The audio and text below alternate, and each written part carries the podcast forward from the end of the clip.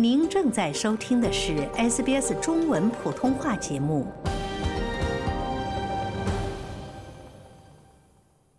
近期，澳大利亚多家银行纷纷降低了住房贷款的定期利率，力图吸引寻求还款确定性的客户。在市场普遍预期澳大利亚储备银行 RBA 将在今年晚些时候通过降息来对抗通胀放缓之际，这些银行采取了这一举措作为应对之策。根据金融比较网站 Mozo 的数据，麦格里银行 （Macquarie Bank）、AMP 银行、本迪戈与阿德莱德银行 （Bendigo and Adelaide Bank）。以及昆士兰银行 （Bank of Queensland） 等金融机构，在2023年12月和2024年1月期间，相继调低了不同期限的定期利率，下调幅度在0.1%至0.76%之间。澳大利亚统计局的数据显示，澳大利亚目前通胀放缓，消费支出疲软，且失业率上升。这一现状为储备银行开始降息。或至少在今年维持利率不变提供了理由。圣乔治银行的经济学家指出，金融市场普遍预期澳大利亚储备银行在2024年底之前会将利率下调0.65%，高于之前不到0.50%的预期。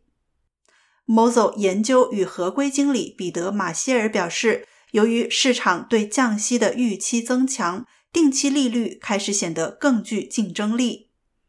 他说，银行开始更加确信现金利率的下一次变化将是降息，而且可能不止降息一次。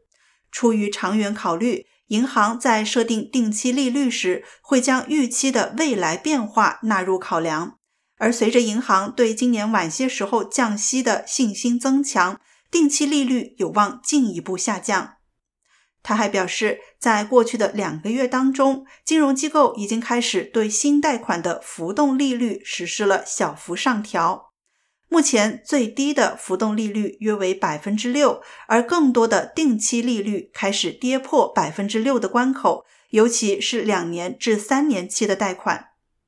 由于预期未来利率会下降，近期几乎所有的新借款人和重新贷款的人士都选择了浮动利率。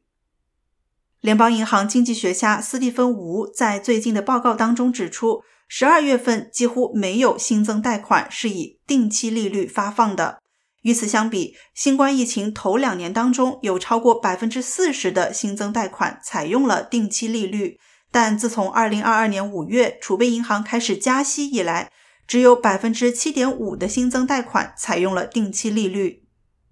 金融比较网站 Rate City 研究主管莎莉·廷德尔表示，定期利率的下调趋势已经十分明显了。这部分是由于人们对降息的普遍预期。